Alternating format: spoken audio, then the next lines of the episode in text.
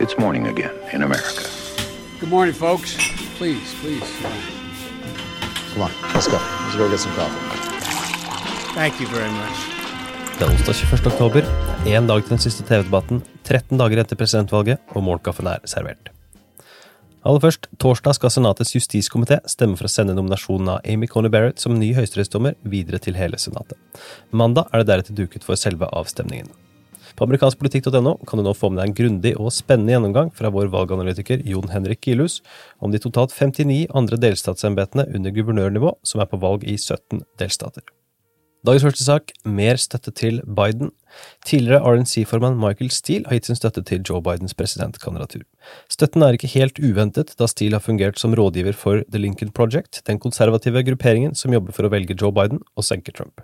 I en artikkel hos NBC News skriver Steele at han støtter Biden fordi Trump er inkompetent og farlig for USA.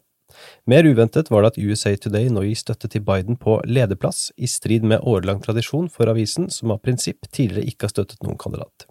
I 2016 gikk de imidlertid til det uvanlige skrittet å be sine lesere om å ikke stemme på Donald Trump. Et steg lenger i 2020, med andre ord. Avisa skriver at dersom valget sto mellom to kompetente kandidater med motstridende meninger, ville de ikke ha valgt side, men at årets situasjon er ekstraordinær.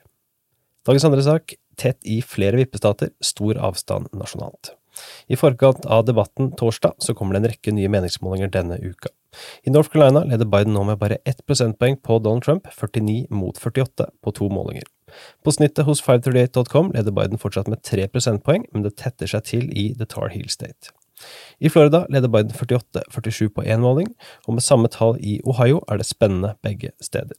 Andre steder er det større avstand, og i Pennsylvania leder Biden med 49% over Trumps 45 på en ny måling. I Arizona noterer Biden seg for 47% mot Trumps 42, og i Wisconsin leder Biden 51-43, mens han i Michigan leder med hele 51-41 på en måling fra Mitchell Communications.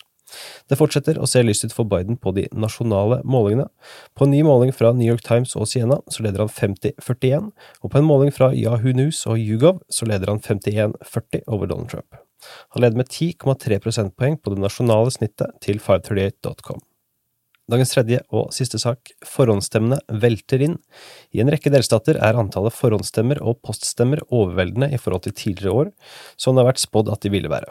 I Florida forhåndsstemte minst 350 000 mennesker på mandag, som var den første dagen forhåndsstemmelokalene var åpne. Det er ventet at svært, svært mange vil avlegge forhånds- eller poststemme i årets valg. Totalt er det allerede avlagt 35,5 millioner stemmer. Det er avlagt over 2,5 millioner poststemmer siden poststemmeperioden startet tidligere i oktober, mer enn dobbelt så mange poststemmer som i samme periode i 2016. Dagens utgave av Målkaffen er servert av Sigrid Reke Gårdsvold og undertegnede Are Togflaten. Du leser altså mer på amerikanskpolitikk.no.